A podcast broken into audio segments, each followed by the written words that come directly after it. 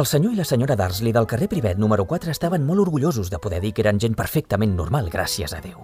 Eren les últimes persones que un esperaria veure ficades en res d'estrany o misteriós perquè simplement no suportaven les ximpleries. El senyor Darsley era director d'una fàbrica anomenada Granings que feia broques. Era un home gros i fort que gairebé no tenia coll però que lluïa un bigoti enorme. La senyora Darsley era prima, rossa i si fa no fa tenia el coll el doble de llarg del que és habitual, la qual cosa li resultava molt pràctica a l'hora de passar-se el dia espiant els veïns per sobre de les tanques.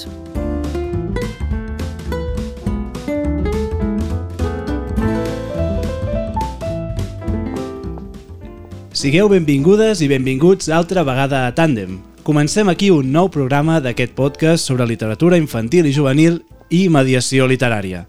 Soc el Guillem, mestre, defensor de les biblioteques escolars i hobbit en potència. I m'acompanya, com sempre, la Marina, editora, lectora empedreïda i motivada de la vida. Com estàs avui, Marina? Com ho portem, això? Jo penso que tanta sort que ja acabam la temporada aquí, perquè crec que ja més amunt no podíem anar. Perquè a sobre que estem en directe a la llibreria La Carbonera, que sí, si voleu fer notar que estem en directe... Eh. Doncs estem en directe, tenim aquí el nostre públic, Molt però més tenim un tema que ens interessa molt, També. que és aquesta celebració dels 25 anys de Harry Potter, però a més l'intro que heu escoltat, aquest fragment inicial, que per qui no ho sàpiga sempre se repeteix als nostres programes, en, ens l'ha fet el Masumi Mutsuda, que és el doblador del Daniel Radcliffe al català.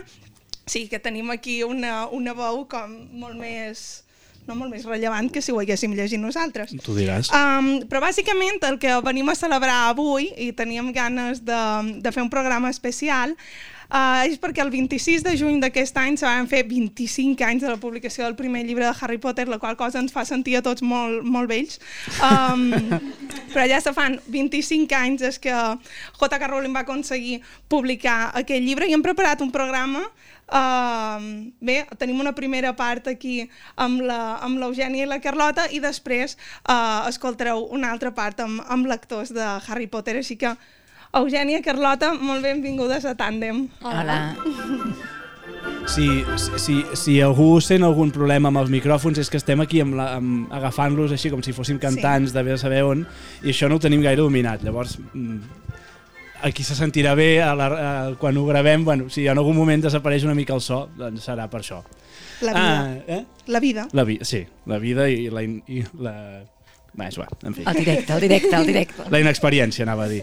Um, a veure, us agraïm moltíssim eh, que hagueu fet un esforç per venir, per dedicar-nos un, un espai. Us presento molt ràpidament, perquè si no, no, no ens donarà temps en aquest programa, tenim massa coses. Tenim la Carlota Freixanet, que és la llibretera de la Carbonera, Carbonera, perdó, eh, la llibreria que ens acull avui, i que celebra un cop l'any la Harry Potter Night. Un cop l'any de moment. De moment. Oh.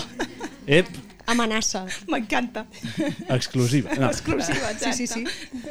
Perfecte. I després tenim amb nosaltres també l'Eugènia Brogi, que és editora de l'altre editorial, però que va ser l'editora d'Empúries quan es publicava Harry Potter. De moment ho he fet bé, no? Les presentacions estan Sí. ben... Bueno, jo no, no vaig triar mai Harry Potter, eh? Jo el vaig heredar i vaig publicar uns quants llibres de Harry Potter, però qui el va descobrir no vaig ser jo, aquell petit apunt de... Perfecte, ara, ara, ara en xerrarem. Um, perquè bàsicament, no, ja hem dit, 26 de juny de 1997 se publica Harry Potter. Um, aquí volíem fer una petita intro d'això, no? d'aquests anys, de, de la quantitat de llibres que s'han venut de Harry Potter, de passar d'una tirada inicial ínfima, que ja, ja ho explicaràs, Eugènia, fins a vendre milions i milions d'exemplars, que això en el món editorial no sé si, si passa gaire sovint, però jo crec que el cas de Harry Potter, com a mínim en la literatura juvenil, ha estat un, un fenomen difícil de, de repetir. Uh, no sé, en realitat me n'ha enrotllat molt, però tenint-te l'Eugènia jo crec que um, això ens ho pot explicar més ella, com va ser el procés d'edició en anglès, no? i una mica. Però abans, el Guillem Home. i jo us volem fer preguntes Clar, friquis de Harry Potter, per conèixer-vos millor. clar. Ja anirem després a la part més, més important, però també Sí, i abans que res, Ah, abans que res, perdona, No, no. Um, pels oients i pels que sou aquí, serà un programa ple de spoilers. Sí, me sap molt de greu, però han tingut 25 anys per llegir els llibres, per veure les pel·lis. Um, Sí, si algú no ho ha vist, doncs que deixi d'escoltar i ja està. Podeu sortir un moment de fora, tornar a entrar i pels oients també podeu posar pausa, però això serà un programa zero censurat. Hm. La idea és respondre ràpid a aquestes preguntes, eh? perquè si no ens podrem extendre massa. A veure, va, anem per la primera. Eh, quina és la vostra casa de Hogwarts? Gryffindor. Molt bé. Hufflepuff. Gryffindor, Hufflepuff, bé, no? Bé, la, de fet, això l'Eugènia me comentava, no?, que sempre ets de la casa dels protagonistes. Sempre. Jo llegia eh, d'una altra generació Torres de Malori i, i les Medides en Santa Clara i sempre era de la Torre Norte, que era la torre on vivien els protagonistes. En aquest cas, Gryffindor, claríssim. Jo m'he passat tota la vida, o sigui, jo em vaig passar una part de la, de la meva lectura de Potter pensant que era Gryffindor i, i llavors va haver un moment que vaig dir, què fas? Què fas? Si ets Hufflepuff, o sigui, què estàs fent? Els Estàs primers, tres llibres, els primers tres llibres era com, no, sí, però no, no, no, jo sóc Hufflepuff, i ja està. Perquè és com que t'empeny, no?, tota l'estona de la lectura que has de ser... mm, I no cal. Està molt Es mediat. pot, es pot viure molt relaxadament a Hufflepuff. A Ravenclaw també, quan admets que ets una rata de biblioteca, doncs ja està. És que en realitat no hi ha més, no? No. Sí, de moment no tenim cap Slytherin per aquí. No? Bueno, A veure, ja, entre el públic, ja apareixeran. Slytherins? Algun, algun, algun n'hi ha. Eh, també l'acceptem, no? Clar, home. Um, quin és el vostre personatge preferit? Sirius Black. Molly Wesley. Oh. Total. De fet, abans d'entrar, xerràvem amb el Guillem sobre quin era el nostre personatge sí. preferit. Els dos han dit el Hagrid uh, en el primeríssim moment i jo he arribat a la conclusió que els, els meus personatges preferits sempre són els que en algun moment de, de, de la saga se, se consideren els pringats, no? El Hagrid me fa pena que és molt bona persona i no li deixen fer màgia, la família Weasley em fa pena que tothom se'n rigui d'ells perquè són pobres, no? El, el Neville. Longbottom me fa pena perquè sí. Però, però, la, però la Molly és una, és una fúria de la natura, Total. o sigui, té una força... Entre ella i Minerva McGonagall, eh, que són les, les meves referents vitals, però, però té una força que, que bueno, se t'emporta per davant. Completament. Tu diràs, i aguanta el Fred i el George Per això, una estona. que li hauríem de donar un premi per això. I hem anat al personatge preferit, anem al personatge més odiat de la, de la saga, o que menys us agrada. Bueno, jo ara li he preguntat a la Carlota perquè jo tenia apuntat cua pelada, però ara oh. penso que la Petúnia, la tieta de Harry Potter, és la més odiosa de És tots, o sigui, és odiosa. Cert. Per tant, diria Petúnia. Jo crec que la Dolores Umbridge, és que no puc. O sigui, aquell, aquell rosa xiclet que li estamparia a la cara, no puc, no puc. Que és dolenta, verdaderament. Aquesta jo, com que sóc mestre, m'agrada. Perquè la- penso que si féssim aquestes assignatures a l'escola potser la cosa seria més divertida. Sí, segur. Uh, quina assignatura us matricularíeu a, a, si anéssiu a Hogwarts? I poguéssiu triar totes, clar. Jo la defensa de les arts obscures. Jo crec que la de, la de cura dels animals, eh, les bèsties, així com en general a la vida. Està bé, jo també hi estaria. La, la, la som Hufflepuff, és Per que... això, sí, sí, sí, és això ja. Jo, com a bona Ravenclaw, quan estava pensant si em fessin aquesta pregunta, què respondria, li vaig dir al Marc, que després pujarà aquí a xerrar una estona, i vaig dir, ostres, m'encantaria fer història de la màgia. I em diu, en sèrio, aniries a Hogwarts? I jo faria l'assignatura d'història, per l'amor de Déu. Així que sí, crec que faria encantaments per sentir que puc utilitzar la vareta, no? Home, estaria bé, també. I aquí poses... I, per últim, en aquesta ronda de preguntes, uh, quin és el vostre llibre preferit? El tercer, el pres d'Escaban. El quart, calza de foc. Molt bé. Perfecte. Doncs podem entrar ja Sí, en no? matèria. Anem-hi, va. Eugènia, comencem amb tu. A veure. Um, a veure si ens pots explicar una mica com va ser el procés aquest d'edició de l'edició en anglès. Eh? Si va ser habitual, si, si no, si va ser una cosa normal, o com va anar una mica això? En anglès o en català? En anglès? En anglès, en anglès. Um, a veure, ella era... Bueno, ja ho sabeu la història d'ella una mica, no? Ella era una, una senyora que es va quedar sense feina, que tenia tres fills i, i, i, i de cop va tenir com una mena de, de temporada en què es va dedicar a escriure, li va venir una il·luminació i es va posar a escriure Harry Potter. I llavors, un cop va haver acabat els dos primers llibres, va començar a enviar-los a editorials i a tot arreu li deien que no. A més, ella deia, seran sis llibres, en aquell moment eren sis, seran sis llibres i eh, el personatge creixerà, i una mica en la línia que dèiem, bueno, que jo deia abans, d'Enid Pliton, de les Medices en Santa Clara o de les Torres de Malori, o sigui, fer com bueno, sis llibres en, en, en una escola en què hi ha un personatge que va creixent i va canviant i li van passant coses. I a tot arreu li deien, home, no, sis llibres ni de broma. Fins que una editorial allà va dir, ah, doncs ens interessa molt perquè la màgia, perquè bueno, hi, hi havia elements que els van fer creure que hi havia una possibilitat de créixer i tot, i li, li van dir, vinga, doncs som-hi. I els van publicar, i el primer llibre, com també se sap, el primer llibre no va vendre gens, no va arribar cap lector pràcticament, es va vendre una mica fora, potser França, Itàlia, però poca cosa més. I, i a partir d'aquí, a partir del tercer llibre, bueno, jo era llibretera a Anglaterra quan, quan va explotar el fenomen Harry Potter i llavors va ser amb el tercer llibre que va explotar. I, i de cop va haver-hi una bogeria a Harry Potter i ella va tenir, em sembla que entre el tercer, entre el tercer i el quart, entre el quart i el cinquè, un període de dificultat perquè, perquè, bueno, perquè ella havia escrit això una mica com per distreure's i de cop allò s'havia convertit en una cosa molt important, no? en una mena de...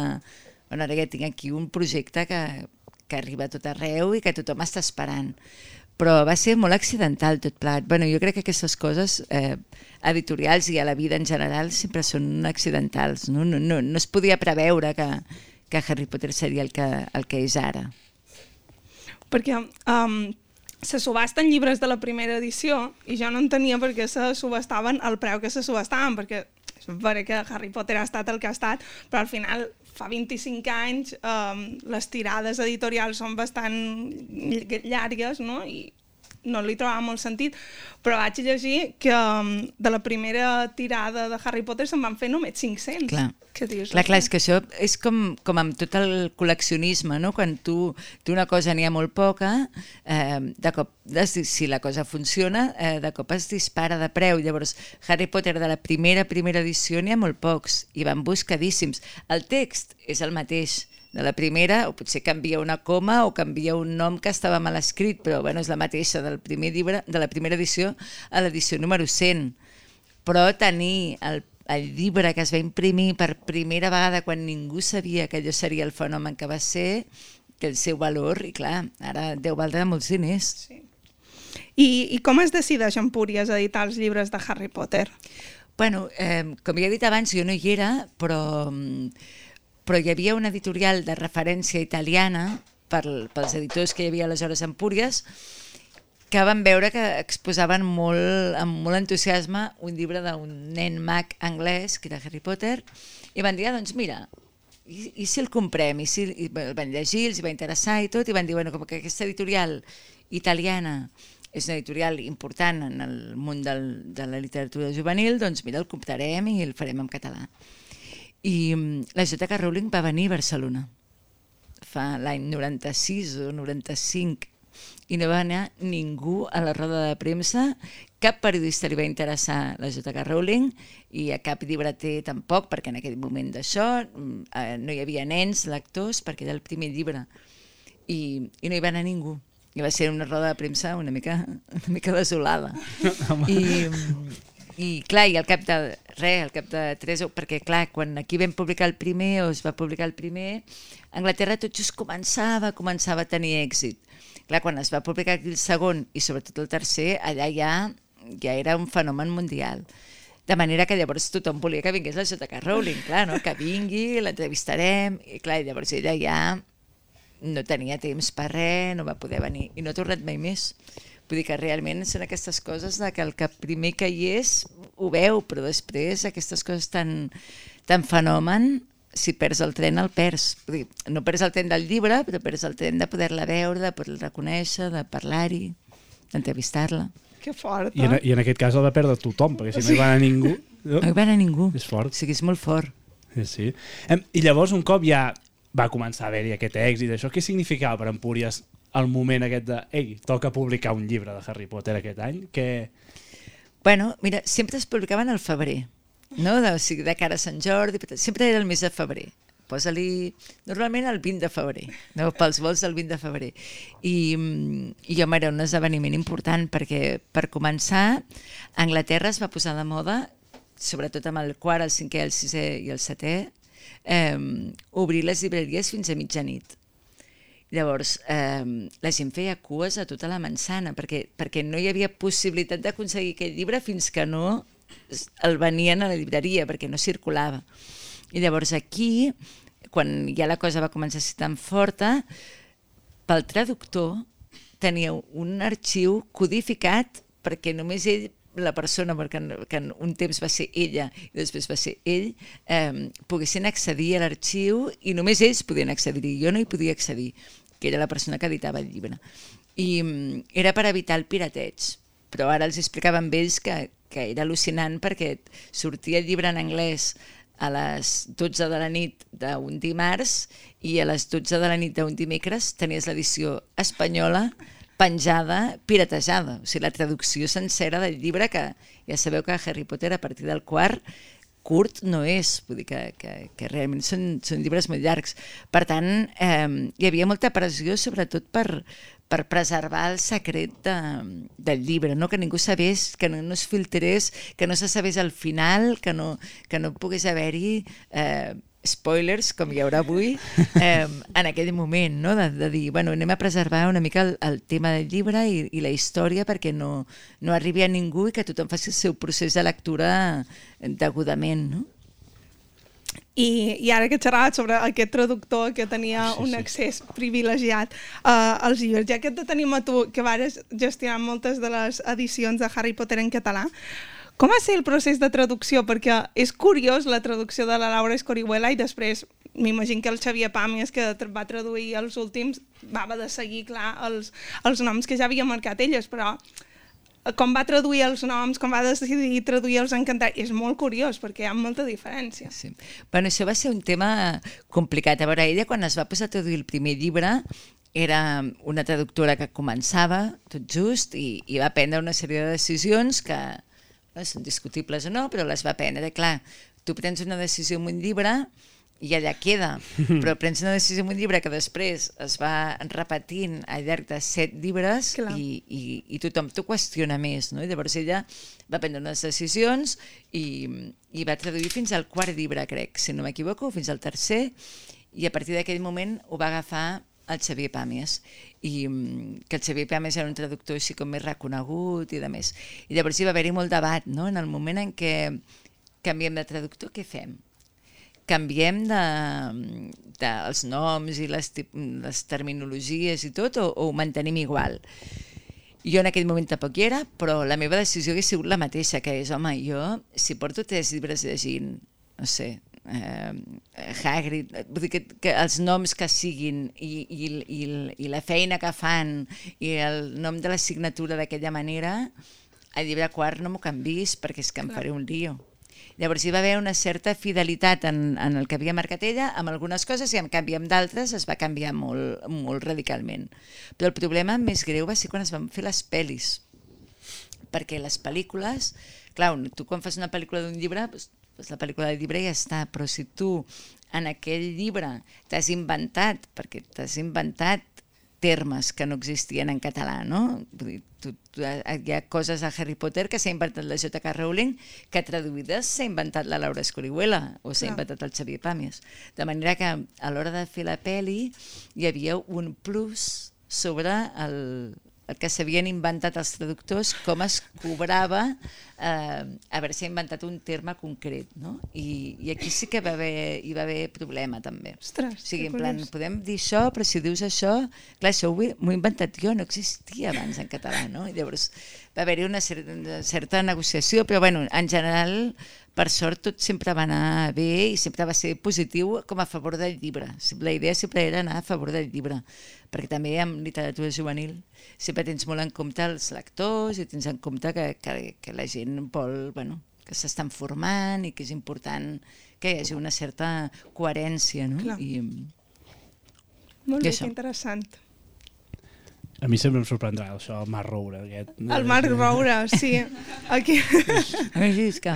Clar, hi va haver decisions preses en aquell moment que, clar, si tu, és, és molt, molt fàcil, no? Quan tu estàs començant, dius, ah, mira, faig, faig això, faig... Però clar, allò després té una cua Clar. llarguíssima i a sobre ho llegeix tot Catalunya. Vull dir, tothom qüestiona o no qüestiona el, el tema. Vull dir que no, no, és, no era fàcil tampoc per No, no. ells, no? No, no, que hi havia moltes coses que eren jocs de paraules, que no ha de ser fàcil, però sí, sí, veure un Marc Roure a Hogwarts sorprenia. Què, anem amb la Carlota? Vinga.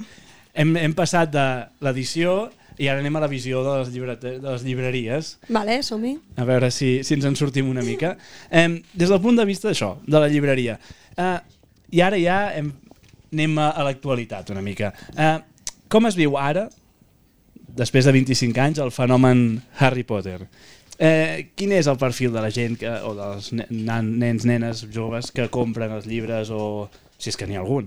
A veure, jo crec que hi ha... O sigui, va, bueno, sí, va, vull dir, els, No, que tens n'hi ha davant. No, sí, a veure, jo crec que hi ha, passen, coses, passen coses diverses i passen coses divertides. Um, hi, ha, hi, ha, és a dir, hi ha criatures que hi arribaran independentment d'això perquè són bons lectors i, per tant, eh, a la que comencen a llegir hi ha algú que amb una mica de seny els diu mira, prova això, que és com una mena de droga. Llavors, si t'agrada el primer, tens feina per estona, cosa que està molt bé, no, perquè això és una cosa important, no? de, de trobar-los alguna cosa que els enganxi i que circulin, però passa una cosa més divertida encara, que és que venen, són els papes motivats. O sigui, aquella ah. gent que el va llegir en el seu moment, eh, que és el que, el, que serem, el que seríem nosaltres si tinguéssim criatures, eh, o, o els que tenen criatures que s'hi estan posant, no? que, que, que, els, que, els, que, o sigui, que venen a, a, a llegir-los. O sigui, jo he venut rondalles del Bar Gallard per llegir-li a un nadó de 3 mesos. Perquè la, el raonament era, si m'ho he de llegir jo, que la criatura el que vol és sentir-me a mi, doncs com a mínim ho passo bé i tinc una excusa per comprar el llibre. Llavors, aquesta mena de, de papes motivats eh, també són molt guais perquè perquè, bueno, perquè els pots fer l'acompanyament i també és molt xulo perquè és això, hi ha canalla que poder no estava, és a dir, poder no té edat encara per, per llegir-los per si sols, però en canvi perquè els hi llegeixin o per fer una lectura acompanyada o una cosa així, sí que, sí que tenen edat i llavors s'ho passen teta. Els pares motivats sempre van bé. Sí, sempre, Així, sempre a favor dels pares motivats, sempre. I bé, per si algun oient no ha vengut mai a la Harry Potter Night de la Carbonera, uh, ja estàs tardant, però volem demanar-te com vareu començar a fer aquesta Harry Potter Night, a pensar-la, uh, no sé, a fer un acte tan gran, perquè és una festa. No, no, no ho sé, o sigui, no ho sé. A veure, no, hi ha, hi ha, una, hi ha una història, o sigui, el, els, o sigui quan vam obrir la llibreria eh, érem, érem tres socis, ara som quatre, i, i érem uns motivats, o sigui, era una cosa que teníem molt clara, que, ai, torno te mates, eh, era una cosa que teníem molt clara que, que ens agradava molt, però és que a més a més va passar una cosa, que és que a la primera caixa de llibres que va arribar a la llibreria, el primer, lli- vam fer un vídeo, en plan, a veure què surt, i el primer llibre que va sortir va ser un Potter va ser la cambra secreta. Uh, I llavors va ser en plan, buah, tio, hem de fer alguna cosa amb això. I Millor estàvem- bateig del projecte. No, no, clar, llavors estàvem tan motivats i tan a tope amb tot que va ser com, bueno, doncs anem a convertir una de les nostres obsessions en alguna cosa divertida. I vam muntar la primera Potter Night una mica sense tenir ni la més remota idea de què faríem, en plan, bueno, doncs podem fer un trivial, doncs podem fer, no sé, una lectura de Potter amb idiomes diferents, va, venga, doncs que la gent llegeixi Potter en anglès i en italià i en hebreu, cosa que va passar. I, i no sabem per què, bueno, sí, sí que sabem per què, perquè es va fer una mena de trobada de, de, de mm, Hogwarts, no sé què, a la, a la Facultat de, de Lletres de, de la UB i es va patar de gent. I es va patar de gent vol dir que es van quedar com 200 persones a fora. I nosaltres teníem posat l'esdeveniment per algun motiu inexplicable a la web de La Vanguardia. I llavors, de cop, ens van, vam rebre com una mena d'allau bogíssima de mails de gent dient que volia venir eh, i vam haver de fer-la dues vegades. Llavors, el primer any ho vam fer dos cops, després vam dir, bueno, ho fem una vegada, i jo crec que ja podem dir-ho, que l'any vinent tornarem a fer-ho dues vegades i separarem per edats. O sigui que seran persones petites o, o lectors joves menors de- de- d'edat per una banda i, i majors d'edat per l'altra, perquè és que no hi cabem directament. Apunteu, que tinguem apunteu. les notícies eh, abans, de, Sí, sí, abans que ningú. Com es nota que són periodistes. I mm, bé, això volíem demanar-vos que podíeu explicar de, de la següent, però el, el Guillem i jo estàvem comentant uh, com a banda dels llibres de Harry Potter ja hi ha Sí, sí. una de material editorial sobre els llibres, que si el llibre de les baretes, el dels professors, el dels escenaris, que aquí les pel·lis també han fet Sí. molt de... El de les receptes, el de Sí. no sé què.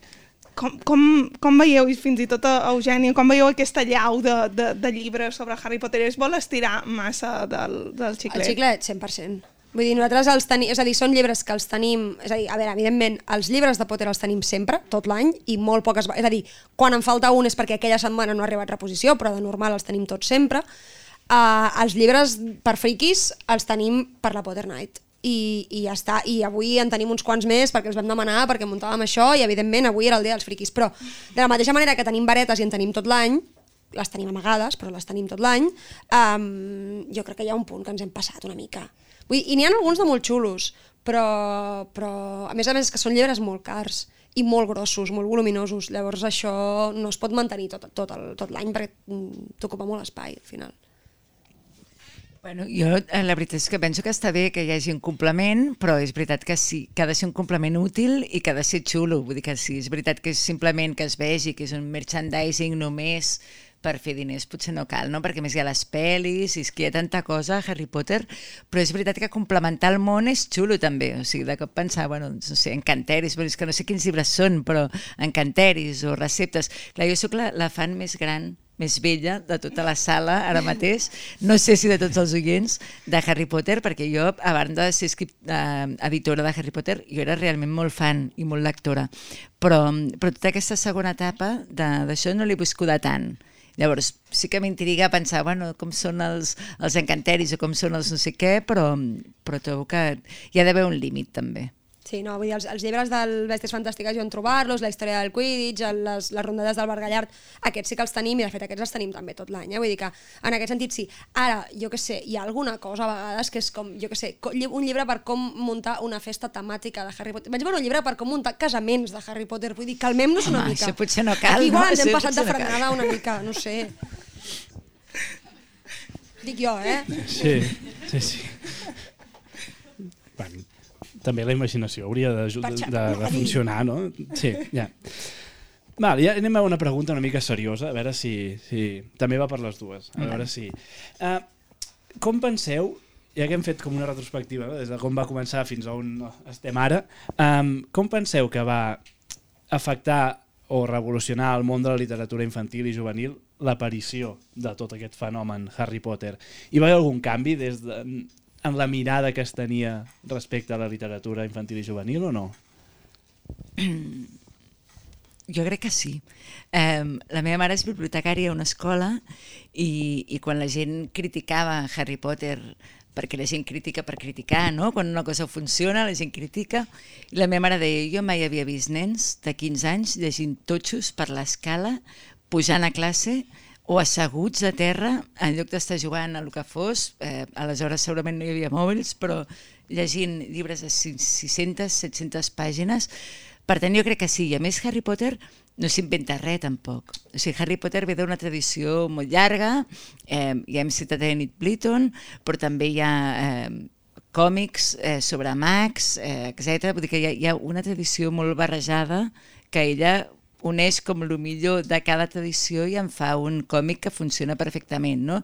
La màgia dona molt joc, molt humor, molta imaginació, per tant, ella no s'inventa res. Ara, el que ella va aconseguir també va ser canviar Uh, per exemple, això que dèiem ara de Torres de Malori, doncs el pers els personatges solen ser plans no? i van creixent i no canvien gaire. Canvia el personatge, però l'edat no afecta. Harry Potter, el bo que té és que el Harry va creixent, i va creixent de debò, i quan és adolescent està turmentat, i està agobiat, i pateix, i se sent desencaixat, i es baralla amb el Ron, i, i té un moment com de, de crisi. És, és molt Està fort. insuportable. Sí, està Gràcies. insuport... Quan anava a dir insuportable, és que és de pinyo. I en canvi, eh, que això està molt ben fet, perquè això en la literatura juvenil, en les sèries aquestes així més llargues, no solia passar. O sigui, els personatges solien ser una mica més plans o, o això, no, no, es veia, no era tan evident el creixement. O sigui, creixent era amb sensatesa, amb portar-se bé, amb, amb projecció de futur, però no amb enfadar-se amb el seu millor amic i, i, i fer un drama infantil. Per tant, jo crec que sí, va marcar una diferència enorme i, i la barreja entre sobrenatural i, i vida, diguem-ne, normal, eh, també és un gran, un gran què, perquè combina molt bé, pot apel·lar tant a la gent que té o que li interessa la cosa més sobrenatural o més rara o tal, o la fantasia, i també apela als, als nens i nenes i noies i nois que volen llegir mm, històries del dia a dia, no? de què els hi passa, de barallar-se amb els pares, amb els amics, amb els profes... Per tant, bueno, a mi em sembla que és, un gran, és una gran, gran sèrie. Realment, i va, va marcar molta diferència. Sí, no, jo sempre dic que és un, és un descobridor de lectors. No? Vull dir, a mi m'agrada perquè vull dir, per, per mi, que jo, era una, jo, ja era, vull dir, jo ja era lectora de base, no? em vaig trobar cada cop no era, no era l'única que estava llegint a l'hora del pati era molta gent llegint l'hora del pati i el rotllo de no em facis un spoiler jo he vist, jo he vist gent estirant-se els cabells per un spoiler de Potter, prometo, a classe. Eh, molta violència, no us ho recomano però no, però que, és molt, però que va ser molt xulo. I a més a més que jo crec que hi ha una cosa del que, del que deia la gent que és molt important. És a dir, jo recordo llegir és a, dir, a, mi, a mi la literatura juvenil em feia mandra feia molta mandra perquè era supermoralista. O sigui, t'havien d'ensenyar que els bons havien de ser superbons i els dolents eren superdolents i que quan creixies era perquè et feies gran, no? que et feies, però que et feies gran d'adult. I, I de cop trobar-te amb algú que és això, no? que, que, que dubtava, que tenia problemes, que, que li passava una mica el que et passava a tu, era com, uah, vale, ok. I a més, vull dir, que tenies la sensació que, vale, si això ho ha escrit un adult, però això ho ha escrit un adult que podria, podria tenir una conversa amb ell. I, de, I per primera vegada això et xocava. I això, era, I això era molt guapo, perquè fins ara, com, és a dir, fins, a, fins a aquell moment a mi com a lectora no m'havia passat. I ho vaig gaudir moltíssim. I jo crec que això va ser també el que feia que s'enganxés moltíssima gent. Mm -hmm. Perquè d'altra manera, no? jo crec que hi ha gent que ja li mola, jo què sé, a la classe de la meva classe ja hi havia els friquis que llegien el Hobbit, ok, que és insuportable, però això és un altre tema, eh, però no, però, però que sí que hi havia els, els, els raritos de los libros de fantasy, però la resta no els apel·lava gens, i en canvi aquí sí. I això, això va ser molt guapo. Molt bé, nosaltres um, hem acabat amb les preguntes que volíem fer-los. Um, si algú de vosaltres els hi vol demanar alguna cosa, jo us cedesc el micro i li podeu, li podeu fer una pregunta a l'Eugènia o a la Carlota i si no, els deixarem descansar, el que vulgueu. No? Molt bé. No sé si uh, us ha quedat alguna anècdota que vulgueu explicar és el vostre moment, el micro no, és vostre. la veritat és que, és que no, perquè, perquè n'hem parlat de tot una mica, però que realment... Eh, que és un llibre que realment val molt la pena i que, i que i, bueno, és el que hem dit abans, que realment va canviar moltes coses en, en com la gent llegia, jo crec, i, i en com l'intercanvi. I les pel·lícules no són un problema, perquè també és aquesta cosa de no, que no vegin les pel·lis que si no després no volen llegir llibre. I no, els meus fills era, deien, home, però hi ha molta més xitxa en els llibres que les pel·lis. I per tant, un cop han vist les pel·lis, no tenen per què no llegir els llibres, al revés. O sigui, jo crec que, que una cosa, eh, tot suma, diguem-ne, no, no crec que es faci nosa. Per tant, em sembla que tot, tot és positiu en aquest cas. Sí, a més que jo crec que també, a banda de canviar molt de, molts lectors no, no havien trobat una experiència lectora com aquesta, jo crec que també de cara als adults i a, i a tota la indústria editorial va fer que se mirés la literatura juvenil d'una altra manera, Clar. no? De, ostres, això pot donar pasta, també. I totalment, totalment. Clar, això va canviar molt perquè de cop la... perquè havia passat amb Tolkien, o sigui, havia passat amb altres coses, però no d'una manera tan absoluta, perquè a més a més diem literatura juvenil, com sempre, eh, de, entre moltes cometes, perquè Harry Potter jo el vaig llegir, jo tenia 25 anys quan el vaig llegir, el primer, i, i, i l'últim en tenia molts més. Per tant, eh, apela a tothom, perquè apela al nen que és ara i apela a tu, a la nena que eres aleshores, i, i la fantasia és comú a tots, i els problemes que té el Harry també. Per tant, és un llibre que, que, que és molt més transversal del que sembla. I això, la literatura, la, quan parlem de literatura juvenil, aquesta és la gràcia, no? que ho llegeixin els pares motivats, que ho van llegir quan eren petits, però que potser ho llegeixen quan són grans, i els nens també alhora. No? I, I aquesta és la gràcia, bàsicament. Molt bé. I no tot el món deixen llegir-lo, eh? Això, Ah, sí, això és és que... És que jo vaig estar vivint a Mèxic, ai, a Mèxic, dic jo, a Xile, al sud de Xile, i em vaig trobar amb una comunitat que era, bueno, evangelista, no sé què. I com que deien, tu has dit al principi que la J.K. Rowling es va inspirar, doncs hi ha una... No sé, ells tenien la informació que algun moment, en alguna entrevista, ell havia dit que sentia una veu que li deia que havia d'escriure. Sí, sí, ho va dir, ho va dir. Ah, és cert. veus? No, no, ho va dir, ho va dir, sí, sí. Doncs això era motiu per dir que el- aquell llibre està escrit per el dimoni o per alguna cosa i per tant no s'ha de llegir ni s'han de veure les pel·lícules. Jo he de dir que la J.K. Rowling, vull dir, li agraeixo molt el que ha escrit en, en Potter, però podria deixar de, Sí, De dir de coses. dir coses en general a la vida. I també ho anava a dir, ho anava a dir. Algunes declaracions desafortunades ha fet, eh? Aquesta de, sentia una veu, això ho diuen molts, molts autors, molts escriptors i molts poetes. Sentir la veu, mira, és una manera, una metàfora de dir m'he inspirat. Altres coses que ha dit ella són bastant més desafortunades. Eh? Correcte. Bueno, També res, de és informació de servei. Si aneu cap allà a Xile al final, no, no traieu el llibre i ja està. Ja ho teniu. Bé, doncs moltíssimes gràcies Moltes a les dues pel vostre temps, per, pel que ens heu explicat. Eh, I res, Jordi, que entri la música i fem un canvi. Ai! Hi ha un micro.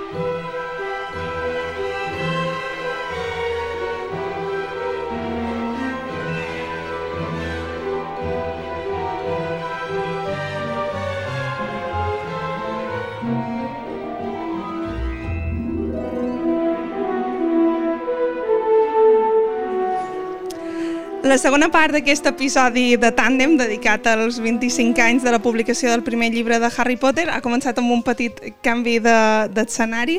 A la primera hem xerrat amb les professionals Eugènia Broix i Carlota Freixenet sobre què va suposar el fenomen de Harry Potter en el món del llibre, però també teníem ganes de tastar sensacions més epidèrmiques, no? de xerrar amb lectors, per això avui tenim amb nosaltres a la Núria, en Marc i en Bruno. Benvinguts a Tàndem.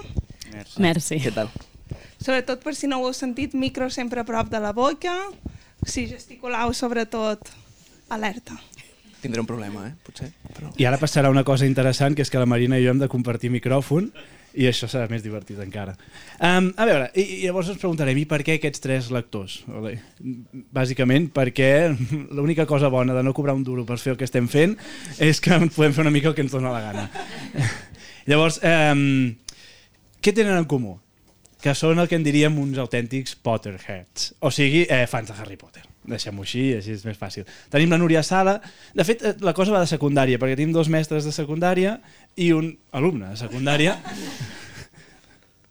ja està bé, no? Vull dir que aquí cadascú... Eh, que la Núria, la gràcia és que és la que s'esprema el cervell cada any per fer els trivials que després fan aquí a la Harry Potter Night. Per tant, té, té coneixement de causa. Però és que, a més a més, el del seu costat, que és el Marc Fernández, eh, és, és qui ha guanyat tots els trivials de la Harry Potter Night aquí. És la gran fita del meu currículum. És... Eh, ho poses al principi de tot, oi que sí? Ja, fantàstic. O sigui que, de moment és imbatible, podeu venir l'any que ve i a veure si, si el destroneu. Eh, a banda d'això, és professor de la universitat, és professor de, això, bueno, de secundària, i ella també.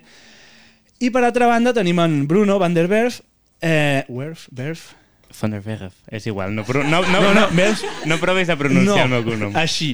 Com ho ha dit ell, doncs això. També podíem fer la traducció tipus Harry Potter i canviar-ho i, ja, I canviar tot, i ja no? ho tindríem. Però que és un gran amant de la saga, és així? Sí. Fantàstic. Molt. Començarem per trencar el gel, igual que hem fet amb l'Eugeni i amb la Carlota, i per conèixer-vos millor amb aquestes preguntes n'hem afegit, perquè han dit, si som friquis de Harry Potter, anem a demanar coses més concretes. Um, la primera, igual que hem fet amb l'Eugènia i la Carlota, quina casa de Hogwarts sou? Jo, Ravenclaw. Jo sóc Ravenclaw també. Jo sóc Gryffindor. Veus, tenim una mica de tot. Els del Trivial, sou Ravenclaw, no sorprende.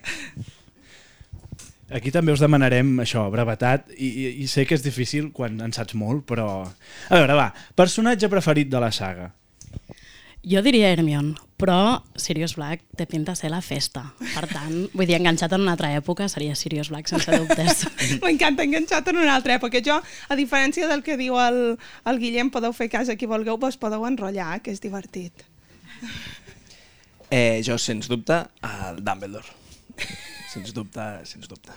No ha vengut en cap avui, en la, en la túnica. La vareta per aquí, però no, tampoc cal.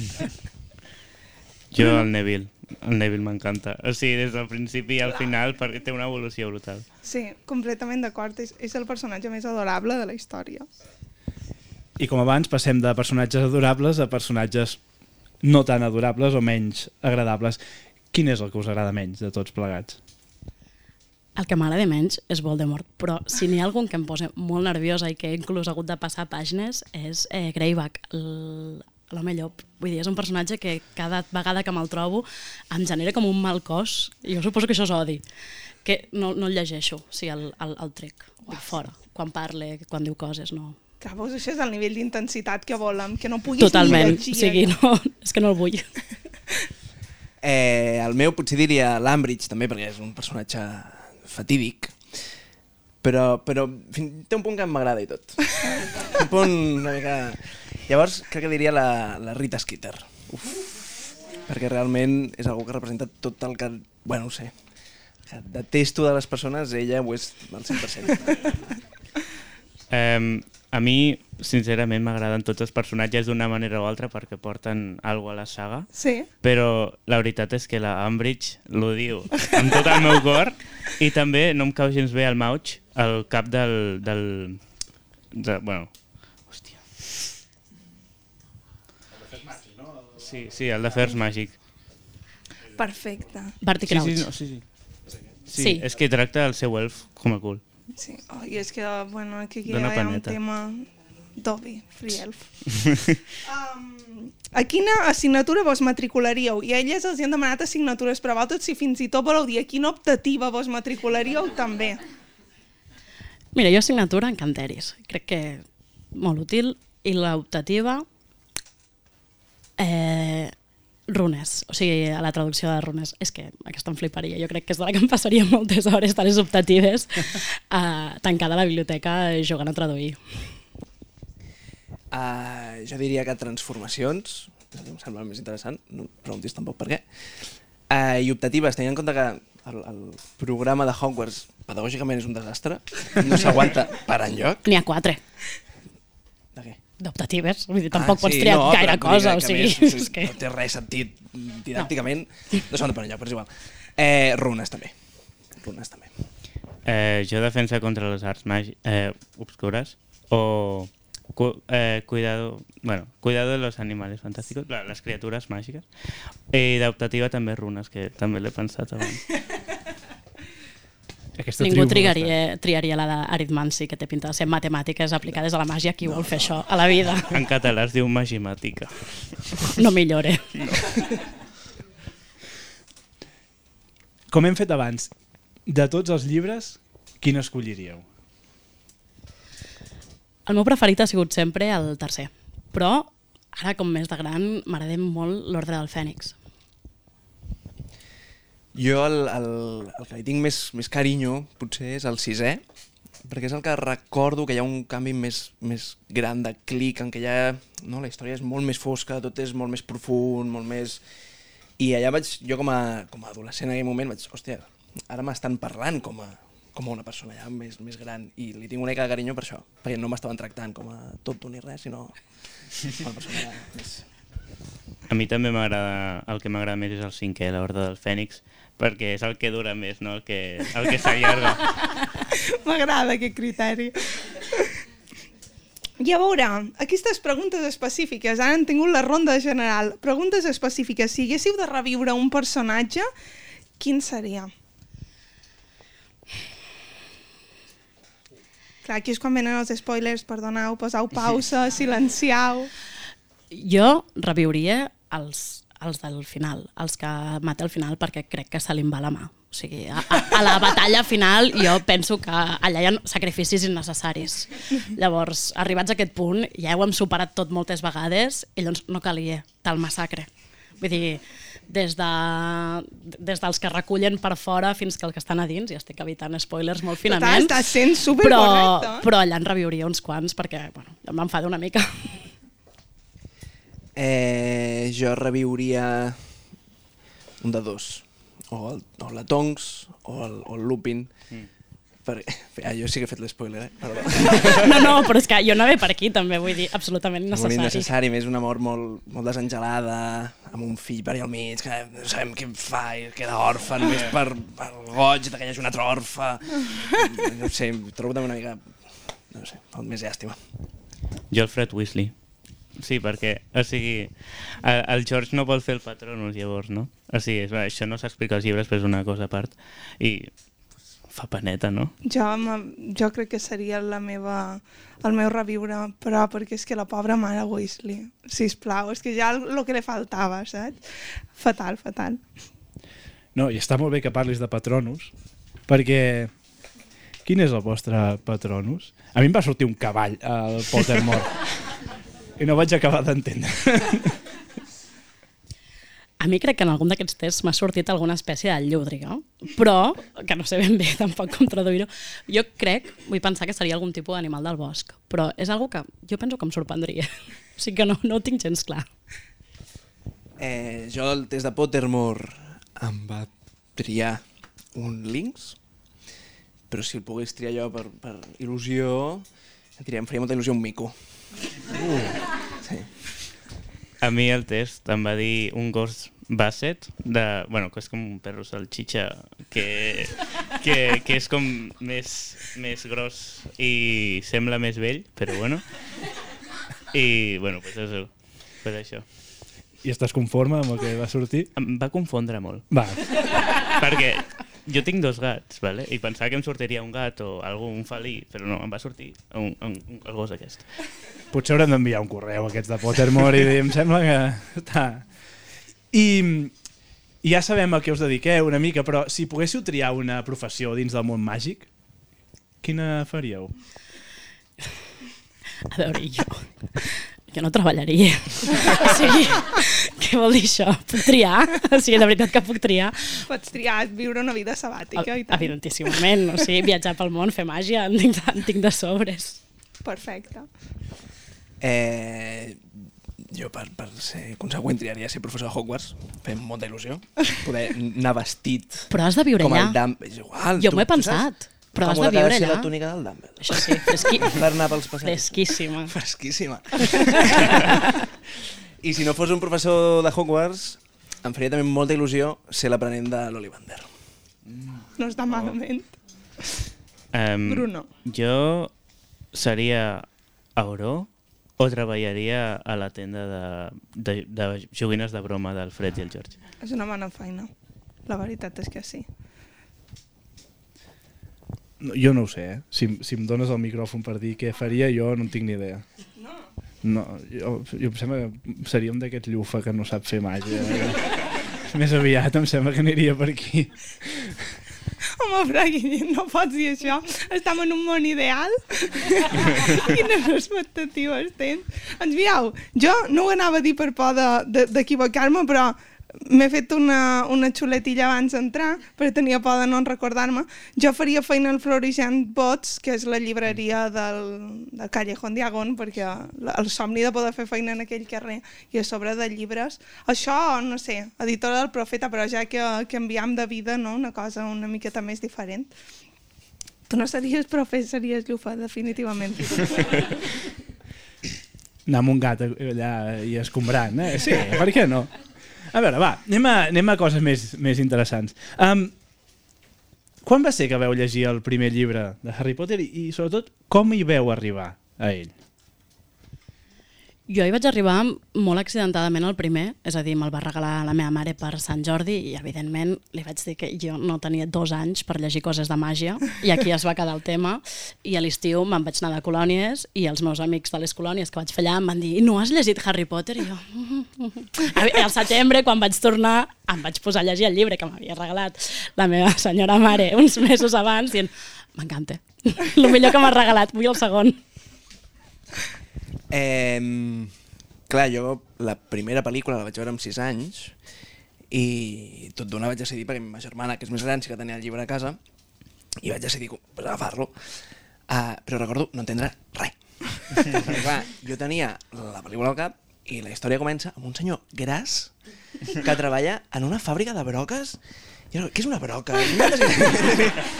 Una fàbrica, jo no recordava cap fàbrica Llavors vaig llegir la primera pàgina, no vaig entendre res. Clar, és que deixar, tenies es 6 va anys, quedar- has dit. Sí, Ah, clar. es va quedar aquí. I llavors ja em vaig reenganxar amb, el, amb la publicació aquí del, del quart, que jo feia quart de primària, que no sé quants anys tenen, tu Guillem ho sabràs millor que jo. Nou. 9 anys, doncs amb 9 anys vaig començar amb el quart i a partir d'aquí ja vaig tirar. A mi, casualment, també me'l va regalar la meva mare per Sant Jordi i, i me'l vaig llegir de primeres i, bueno, pues, pues va seguir això, no? Va, va comprar la resta i, bueno, pues, gràcies, mama. Que és que a més, Bruno, tu ets com els que ara poden mirar una, una sèrie de Netflix sense haver d'esperar els episodis, clar, perquè vosaltres ja ho teníeu, ja ho teníeu És tot. una gran sort, els tens tots. És una jo vaig llegir el primer amb 12 anys i hi havia el primer i el segon, no n'hi havia més. Clar. O sigui, vaig anar una mica creixent amb els llibres i va haver-hi un break, que ho ha dit abans l'editora per allà al mig, de dos anys llarguíssims, que va estar que clar, jo pensava, escolta, que jo he començat el nou curs ja, saps? O sigui, on Clar, està el meu llibre de l'any següent, a veure què m'ha de passar aquest any. I no, no arribava. La meva pregunta uh, és de com es converteix un lector de Harry Potter, que n'hi ha arreu, perquè si no, no s'haguessin venut milions i milions de llibres, en, en un friqui de Harry Potter com vosaltres. Si com passes de ser normal a no ser. Més o menys. Temps, paciència, relectures. No ho sé. Jo, en el meu cas, parlo per mi, un, un, una cosa d'obsessió total. Recordo de- d'obsessió, de, de, no, eh, bueno, no ho sé, recordo mirar les pel·lícules i els llibres i tot, i fer cua, i, no una cosa realment d'això, de, de necessitar saber-ho tot i tenir-ho tot controlat. També és un moment en què necessites formar-te una identitat. I, I jo crec que molts ens la van formar amb, amb Harry Potter. Llavors, quan més obsessiu eres, més, més identitari et senties. Era un mirall. O sigui, és, sí, és veritat, aquesta obsessió. Jo no he viscut mai l'època fan, perquè bueno, ara és molt més les coses, la gent es fa molt més fan amb les xarxes i amb les imatges, clar, jo tenia els llibres i eh, vaig començar a llegir en anglès gràcies a això, però no, no he fet tantes més que per comprar el llibre, aquí sí, però anar a llocs i veure coses no tant, però sí que és aquesta obsessió i, i aquesta, bueno, aquest tornar-hi i anar-hi tornant cada vegada. Jo, jo crec que és passar del primer capítol del primer llibre i llavors ja no, ja no et desenganxes mai més perquè o sigui, és una cosa que t'atrapa i no et deixa anar perquè és brutal, Que bona. I, i d'empollar-se molt a la Wikipedia, no?, de Harry Potter. també. Home, aquests mons no, que, que et permeten anar més enllà del propi, fins i tot del propi llibre, no? que pots anar a buscar informació i no sé què, que hi ha més... No? També ajuda bastant a, a poder seguir, com tu dius, obsessionat amb això durant més, més enllà de tot, de tot el que la gent normal, entre moltes cometes, eh, fa. No? Jo crec que això també ajuda bastant. Molt bé. Eh, éreu lectors abans de Harry Potter? No ho éreu? Si ho éreu, va canviar d'alguna manera la vostra manera de llegir? Jo llegia bastant correctament, però no crec que fos gaire lectora. També m'ha enganxat doncs, amb 11-12 anys, llegia a l'escola, llegia a casa, a casa meva s'ha llegit, però tampoc buscava jo els llibres me'ls portaven. Vull dir, ara em donaven un llibre, ara un altre, anàvem al llibre i n'agafàvem un. I amb Harry Potter vaig començar a triar a triar les coses que volia, que m'agradaven, que es podien assemblar, i arrel d'aquí eh, va ser com una mica el pilar de lectura fins, bueno, fins a Humanitats i fins a seguir llegint molt, molt. Eh, jo sí, jo sí. Jo era molt, molt lector, però, però era un altre tipus de lectura la que feies. Era una lectura, no sé, com qui feia sorra fina, doncs, no, no hi havia un procés conscient de la lectura. I clar, pas de llegir el que se't passa per davant sense cap tipus de criteri, a llegir un totxo que de 996 pàgines, que són les que quantes té el cinquè, i aquí hi ha un, un canvi, hi ha un, una transformació molt gran en, en com et relaciones amb la lectura. I jo crec que sí que hi ha un, un canvi de clic. Jo, jo llegia des de petit, ja bastant, però això ja em va tornar amb, amb un raton de biblioteca. perquè, bueno, és que començar a llegir Harry Potter et fa com canviar la perspectiva del que seria un llibre, no? I llavors entres a llegir una altra cosa amb, amb, amb una il·lusió que, no, que no potser no havia sentit abans.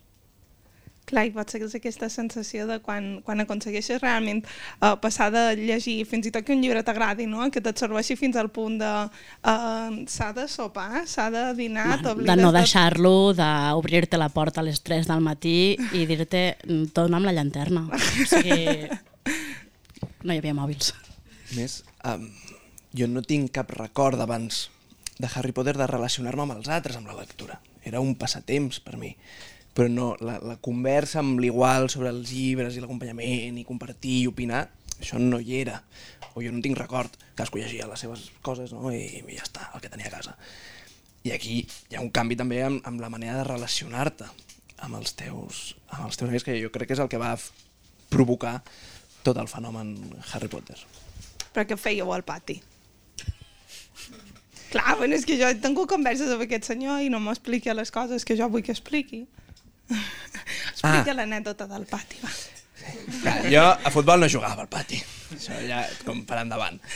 Però sí que tinc el, el record molt vívid de ser uns quants, potser 4 o 5, no crec que fossin més, de llegir el, el, el llibre i, i esperar-nos a final de pàgina. És a dir, per evitar-nos allò dels spoilers que deia abans la Carlota, d'estirar els cabells i tal, teníem com un pacte de va, fem una pàgina. Llavors ens miràvem seguíem. Llavors, mira, una mica la reacció a mi, no? Aquests vídeos ara que s'han posat de moda de reaccions de... Doncs era una mica, potser l'equivalent en això. I jo crec que això era la part més maca de, de Harry Potter, que deixava de ser una cosa solitària, la lectura, per ser una cosa compartida. Jo llegia amb la meva cosina i ens comprometíem a capítols i quan ens anàvem a dormir teníem prohibit llegir passat, dèiem, pues, fins al 32. I, i, i hi havia com un compromís eh, i al matí era només fins al 32 ni una pàgina més, no, no, fins al 32 i vinga va, avui comencem al 33 o sigui, aquestes lectures compartides sí que és veritat que jo no ho he fet amb més llibres Clar. I jo crec que va ser l'èxit, no? De, de precisament el que tu deies, de va, no m'interessa aquest llibre, però després te'n vas al campament i si no has llegit aquest llibre és que no pots formar part de la conversa. Està bé totalment fora. Clar. Sigui, i encara ara, Bruno, es fan converses sobre Harry Potter i així, o ja això ja no tant? A veure... Um, potser el boom aquest ha passat una mica, però segueix sent una cosa que està aquí, saps? Molta gent ho llegeix, molta gent, més gent veu les pel·lis, però... I llavors, això et limita una mica, no? Lo de les pel·lícules, perquè moltes de les coses que, que surten als llibres no surten a les pel·lícules i t'agradaria comentar-les, no? Per exemple, amb els teus companys, però ells no saben de què parles. I llavors, pues, és això. I um, què significa per vosaltres, um, clar, per tu Bruno ha passat menys temps, eh, però 25 anys després aquest fenomen, com ha, com ha canviat la vostra vida, com ha canviat la vostra lectura de Harry Potter tants anys després? Jo hi he estat pensant i per mi ha suposat, és que clar, per mi quasi són potser 25 no, però 20 sí, vull dir, 20 bons. A més, ha suposat una espècie de, de refugi, no sé si t'he sentit aquest concepte, però són uns llibres als que puc tornar quan, mm, quan estic nerviosa, quan el dia següent tinc un examen, perquè ja no pots estudiar més, no, no sabràs res més, però Harry Potter no ocupa lloc. En canvi, t'absorbeix en un univers que et permet desconnectar però no t'està afegint informació perquè ja la tens a dins del cervell. I llavors pots tornar a qualsevol llibre, a qualsevol capítol, puc enganxar-los per la meitat, m'és igual, agafo el llibre de l'estanteria i l'obro i durant 15 minuts, 20 minuts, una hora o dues hores desconnectes d'allò que està passant, de, del teu entorn, del teu voltant, i no, no et cremes, no és com... no estàs afegint res. I és aquesta espècie de refugi, jo crec que és ara mateix, per mi és el que és Harry Potter. Vull dir, en el seu moment doncs, va ser altres coses, però jo segueixo llegint els llibres de tant en quant. A èpoques més, a èpoques menys. Però és, és el tornar-hi. Eh, jo per mi l'empremta que ha tingut eh, Harry Potter com a la meva trajectòria vital eh, i he estat pensant també sobre aquesta pregunta i crec que té molt a veure amb, amb un tema laboral. Jo no sé si seria professor vocacionalment sense Harry Potter, sense l'obsessió de mira aquest i aquest, o l'Ambridge, saps? Com l'ha pogut contractar el Dumbledore, o la McGonagall, no? que era la professora per mi. Eh, jo aspiro en algun moment a la meva vida ser la McGonagall, les meves claus del despatx de és un ninotet del Dumbledore, no? Hi ha tot un, una cosa de emmirallar-me i què faria ara, no sé quin personatge, en una situació que, que jo crec que per mi, si no hagués estat per això, potser la vocació no hagués aparegut o hagués aparegut molt més tard, però la recordo més des de molt petit, la vocació de ser professor. Llavors jo crec que bueno, li dec molt a Harry Potter per això. Bueno, per mi 25 anys no han sigut, però eh, sí, 5 anys sí, vale? I llavors, en aquest període de temps, eh, me'ls he llegit un, moltes vegades. Eh, No, sí, ara m'estic llegint el quart per quarta vegada i, i és que no em cansen. Llavors, a mi, això, tota la cultura es va revolucionar després d'aquests llibres. Encara ho segueix fent amb una més petita mesura, però eh, per mi era una part molt important de la meva vida. Veus? Jo ara us volia preguntar una... si aconseguíssim fer venir la Rowling aquí algun dia i que vingués gent i no es quedés sola um, ja sé que us encanta la saga però segur que hi ha alguna cosa que esmenaríeu a banda de les morts finals que ja hem parlat, o no sé si a banda però quin és el canvi o quina és l'esmena que faríeu a la saga o esmenes, en plural Jo les morts finals, segur. És que em semblen molt gratuïtes. Vull dir, és algo que quan hi penses en què canviaries, penso, potser no calien tants, uh, ni d'aquesta manera. Però si me n'he d'anar una mica més enrere, eh, jo potser, potser li posaria una mica més d'humanitat als tiets del Harry, que em semblen unes persones molt despreciables i dubto jo molt que algú acollint un infant d'un anyet siguin tan Ja. despreciables sempre. O sigui, em sembla pues, útil pel llibre, però així com hi ha molt realisme en molts personatges i, i empatitze, o sigui, empatitzes molt amb coses que poden fer de veritat adolescents. Sí. Abans han dit que el Harry i el Ron s'enfaden per xorrades i estan eh, sense parlar-se i torn... vull dir, fan, fan coses molt pròpies i penso que són personatges que li podries dir, escolta, curra't una mica, vale? que la germaneta tenia enveja, però potser ja és una dona gran i també té altres sentiments a part d'enveja.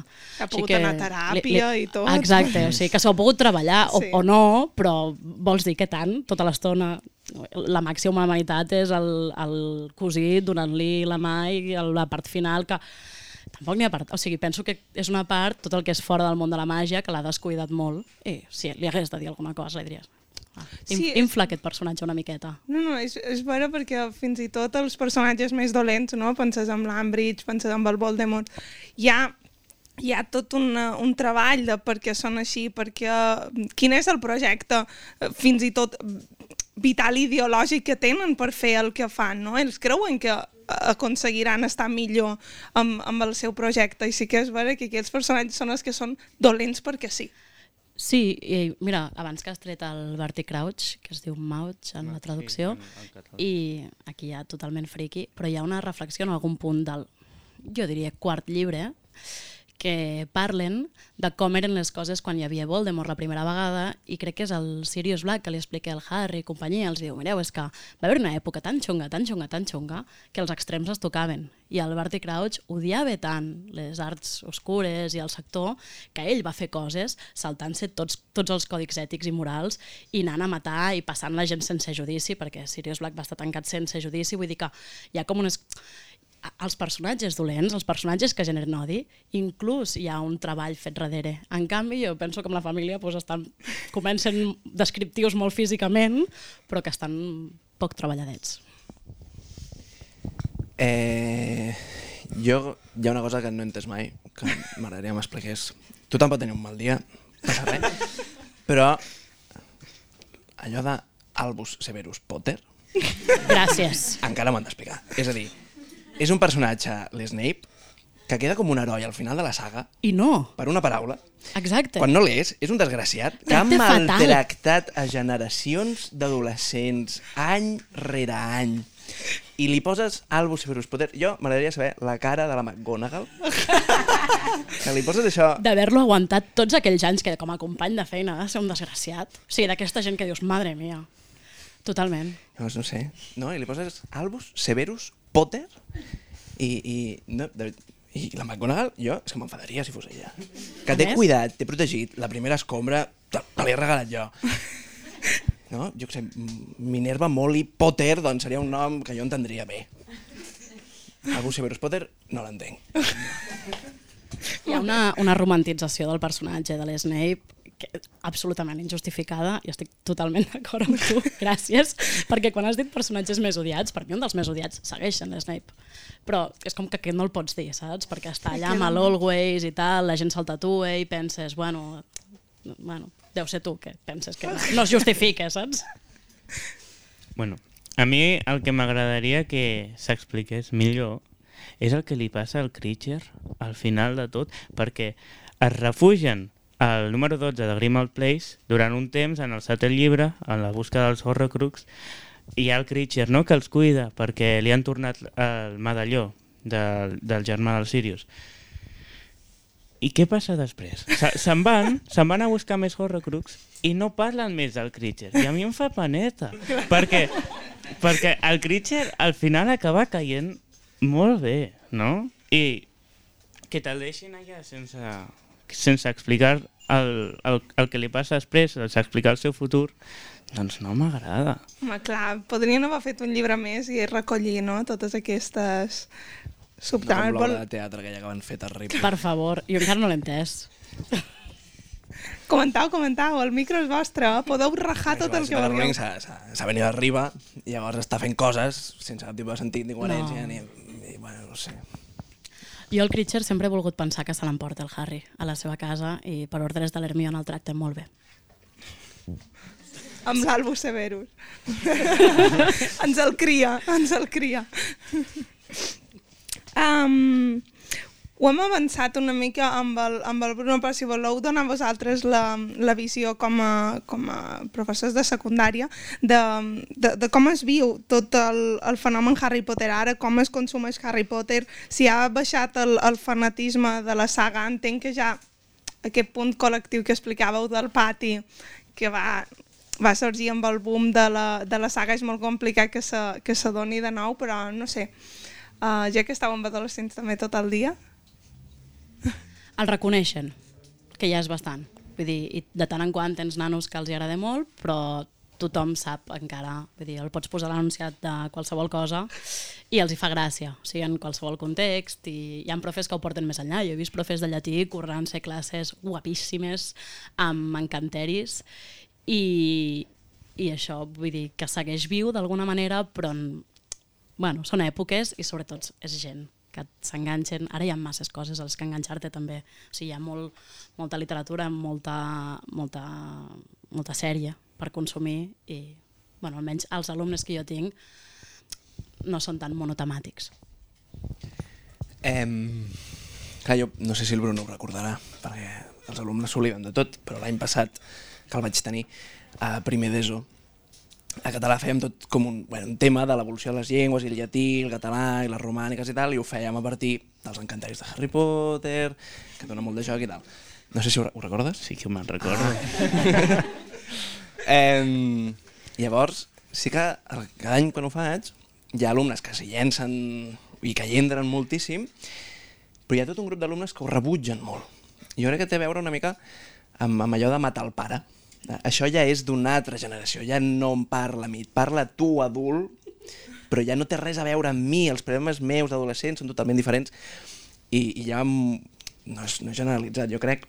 I també hi ha un altre grup que els és totalment indiferent que és una cosa també, bueno, com, no sé, abans l'Eugènia parlava de les Torres de Mallory, jo les Torres de Mallory ni van ni venen, perquè no les he viscut com a, com a adolescent. Um, però això és una llàstima, jo crec que juga molt en contra dels adolescents avui en dia, el fet de ja tenir tots els llibres i totes les pel·lícules. No? Aquella cosa de l'espera, dos anys, un any, fer cua, no sé què, aviam, ara s'ha mort l'actor que feia Dumbledore, aviam, aquí triaran i posaran, estàs allà esperant, si t'agrada o no m'agrada gent, no sé què, al final t'encanta. Tot això que ells ja ho tenen, no?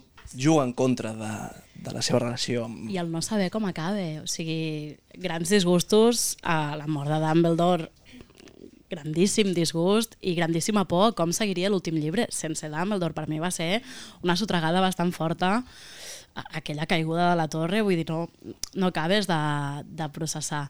I, I és això, jo crec que, que sí, ho tenen tot i és una, una peça de consum més i n'hi ha qui s'enganxa, però també hi ha qui, bueno, pues, una més. Què opines, Bruno, d'això que han dit? Um, estic d'acord.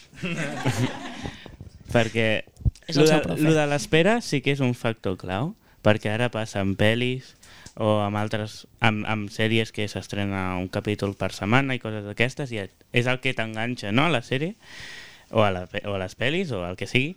I, i la veritat és que això sí que s'ha perdut amb Harry Potter però encara, encara ho pots viure tenint ganes de saber el final o posant-te com unes dates per comprar-te el següent o qualsevol cosa però, però sí que s'ha perdut una mica això No, i una cosa que havies dit abans és que el que sí que la majoria han fet és veure la peli.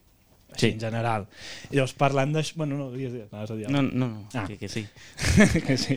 Doncs, i parlant de les pel·lis, i ja anem acabant, per desgràcia, um, què hi veu trobar a faltar? Segurament moltes coses, però així, com a, gran, a grans ítems, què hi veu trobar a faltar a les adaptacions? personatges que desapareixen des de pifs fins a moments... Però després, amb el temps, també et vull dir que res. És a dir, el, la reflexió que han fet abans, jo la comparteixo bastant. Són, són un bon complement. Tampoc pots posar a Clar. totes les coses. O sigui, és que hauries de fer mm, part 1 i part 2 sí. i part 7 de cada pel·lícula. Però, bueno, són, es- estan bé les pel·lícules per qui li agradi les pel·lícules i no et maten el llibre tampoc, no te'l des, no te desmunten de dir és que m'ho canvien tot, no, però s'ho meten parts. Tot i que jo alguns personatges m'hagués agradat visualitzar-los, perquè al final en les pel·lícules ha passat l'efecte que és que jo no sé quina cara li posava el Harry o l'Hermione abans de veure la pel·lícula, perquè, que, clar, la primera pel·lícula va sortir quan jo anava pel quart.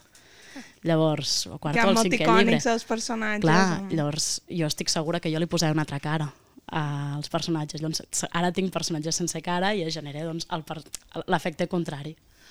Però, bueno, Fet això va passar molt quan va morir Alan Rickman. De, de fet, vam anar als estudis de Harry Potter aquell mateix any, les varetes de l'Snape estaven esgotades, tot el que era de l'Snape estava esgotat perquè se va fer com un, un paral·lelisme molt gran entre els personatges que interpretaven i, i les persones, no? Eh, jo trobo falta personatges, sobretot el Pips, per exemple. O m'hagués fet molta gràcia veure el Firenze. Ai, sí. Un centaure enmig del menjador. M'hagués semblat meravellós.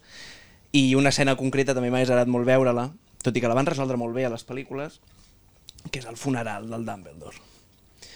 No, per, per l'emoció del personatge trobo que hagués estat molt bé, però sí que quan van adaptar i fan l'escena aquella de les varetes, que il·lumina, i no sé què, és un moment que, bé, està bé, està bé. A mi, a mi el que em faltaria a les pel·lícules, a part del Pips, és la, la cuina, amb tots els elfs, perquè l'introdueixen en el quart i després hi, hi recorreixen encara al cinquè i potser, no me'n recordo si al sisè també, i el Dobby, el Dobby fent feinetes per tot el, el Hogwarts i que és, és ell el que li dona les, les algues per respirar sota l'aigua i no el Neville, tot i que, bueno, que, que això sí que m'agradaria haver-ho vist a les pel·lis Clar, i que no sortís bonic. només a, a l'última pel·lícula a, sal, a salvar-lo ja i que les mort sí. Aquí va tenir... Perdó, eh, que ja sé que anem una mica justos. No, no, no, xerrau, xerrau. Aquí, jo crec que va tenir a veure l'activisme punky de l'Hermione jo segons quines elits del món, de la indústria fílmica, no sé si volien... Bé, Clar, això no va sortir. maco. Resolen bé lo del Neville per això, perquè Neville és bon botànica, vull dir que no quede, no quede com un bolet a la pel·lícula, vull dir que està ben, però és veritat que tot l'espiu, que no sé com es traduïm en català, però també tenia unes PET, sigles... el PET. El PET, sí. sí. Pues això no surt, per exemple, s'omet totalment a les pel·lícules i és molt punky, vull dir, és molt d'alliberació i molt... Bueno, a veure, al final l'autora és l'autora també. Doncs res, moltes gràcies, Núria, Marc i Bruno, per, per venir aquí a acompanyar-nos i a compartir aquesta dèria que teniu per, per Harry Potter. I, I a vosaltres moltes gràcies per escoltar-nos, per venir aquí a passar una estona i, i res, que sempre sereu benvinguts a Tàndem. I que visca Harry Potter, no? Clar que sí. Visca Harry Potter, moltes, Moltes gràcies. gràcies.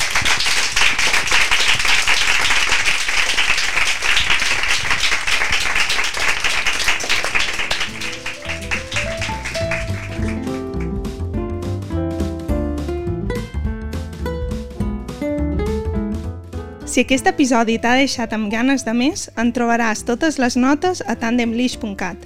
Estem a les xarxes socials com Tandemlish. La producció, el guió i la idea d'aquest programa és de Guillem Fargas i Marina Llompart.